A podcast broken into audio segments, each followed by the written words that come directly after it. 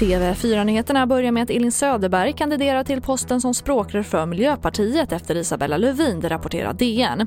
Söderberg är distriktsordförande för Miljöpartiet i Västerbotten och ledamot i kommunfullmäktige i Umeå. Och ett nytt språkrör väljs den 31 januari nästa år. Och flera sorter salmonella har upptäckts på grisgårdar i Skåne. Närmare 5 000 grisar har avlivats där de senaste veckorna sen flera gårdar drabbats av salmonellautbrott. Hur smittan hamnat på de skånska gårdarna är fortfarande oklart. Och i natt svensk tid har det blivit dags för den första debatten inför presidentvalet i USA i höst mellan Donald Trump och Joe Biden.